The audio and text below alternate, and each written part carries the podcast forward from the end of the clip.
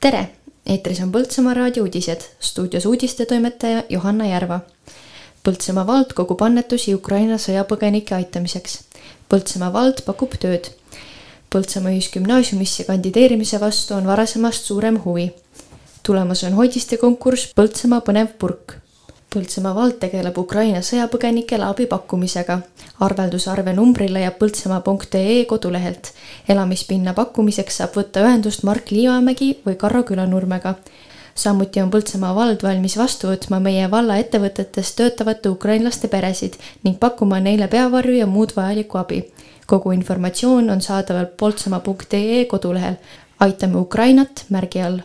räägib Mark Liivamägi no kindlasti üks asi on see, et äh, kui poodides ikka näete, et äh, kogutakse äh, toiduaineid, siis need on nii meie, Eesti inimestele, kui ka tegelikult sõjapõgenikele nende abistamiseks, et väga paljud nendest kas ei saa tööle näiteks minna, et ongi näiteks naine tulnud kahe väikese lapsega, et tal ei olegi võimalik ja siis toiduabi on neile ikkagi noh, väga-väga oluline. teine asi on see, et noh, näete ise ka, et väga soe suvi on vist äh, vähemalt alanud väga soojalt, et äh, nendel pole selleks ka vajalikke riideid, et äh, vajadusel uusi puhtaid riideid on. Põltsamaa vald pakub tööd rahandusosakonna juhatajale ning ehitus- ja planeeringuspetsialistile, jätkab Kätlin Toom. info kvalifikatsioonide ja kandideerimise kohta leiab poltsamaa.ee lehelt mõlemale ametikohale saab asuda niipea kui võimalik ning töö on täiskoormusega, räägib Kristi Klaos. jah, et äh, Põltsamaa vallavalitsus ootab äh, oma meeskonda ehitus- ja planeeringuspetsialiste, rahandusosakonna juhatajat. tegemist on siis ametikohtadega, mis on vabanenud, ei ole uued ametikohad. kindlasti eeldab see sellist äh, julget vastutuse võtmist nendelt, kes oleks huvitatud kandideerima ja kuna, kuna ülesanded on kindlasti sellised vastutusrikkad ja, ja saab nagu väga palju valla nii-öelda piirkonna arengusse panustada. ja kandideerimise tähtaeg on siis äh, viisteist august järgmisest õppeaastast alustab Põltsamaa Ühisgümnaasiumis õpinguid ligi viiskümmend gümnasisti. gümnaasiumisse astumise vastu tuntakse suurt huvi ning õpilaste arv on kasvamas. tulev gümnasist saab valida ettevõtlus ja majandus ja infotehnoloogia ja küberkaitse õppesuundade vahel räägib gümnaasiumiastme õppejuht Maive Noodla. ma arvan, et meie õpilasi kõnetab kõige rohkem see, et nad saaksid ise päriselt midagi ära teha, mida meie oma gümnasistidele ka väga palju pakume. Et äh, põhilise siis üldgümnaasiumi hariduse kõrval on väga palju võimalusi tegeleda oma hobidega, olla aktiivne gümnasist, lüüa kaasa kooli tegevustes, äh, osaleda projektides.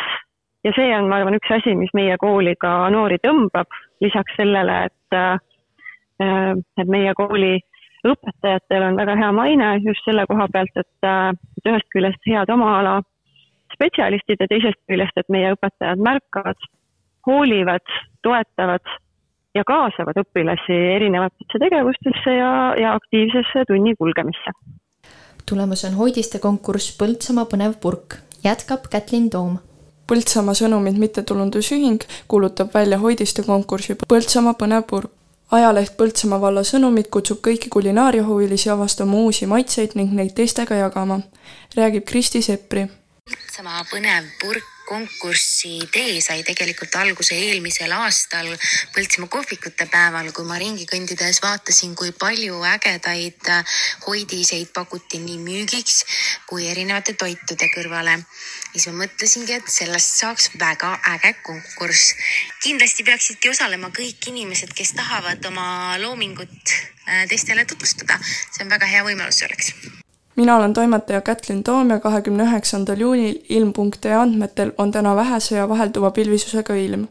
Mitmel pool sajab hoovihma ja on äikest äikese ajal on sajuhood tugevad ja võib sadada ka rahet. puhub mõõdukas idakaare tuul puhanguti kaksteist meetrit sekundis. äikese ajal on puhangud tugevamad. õhutemperatuur küündib kahekümne kuue kuni kolmekümne ühe soojakraadini. Raplas ja Viljandis on kakskümmend kaheksa soojakraadi, Võrus kakskümmend seitse, Põltsamaal ja Tartus kakskümmend kuus, Tallinnas kakskümmend kolm, Jõhvis kakskümmend kaks ja Kuressaares kaheksateist soojakraadi. Eetris olid Põltsamaa raadio uudised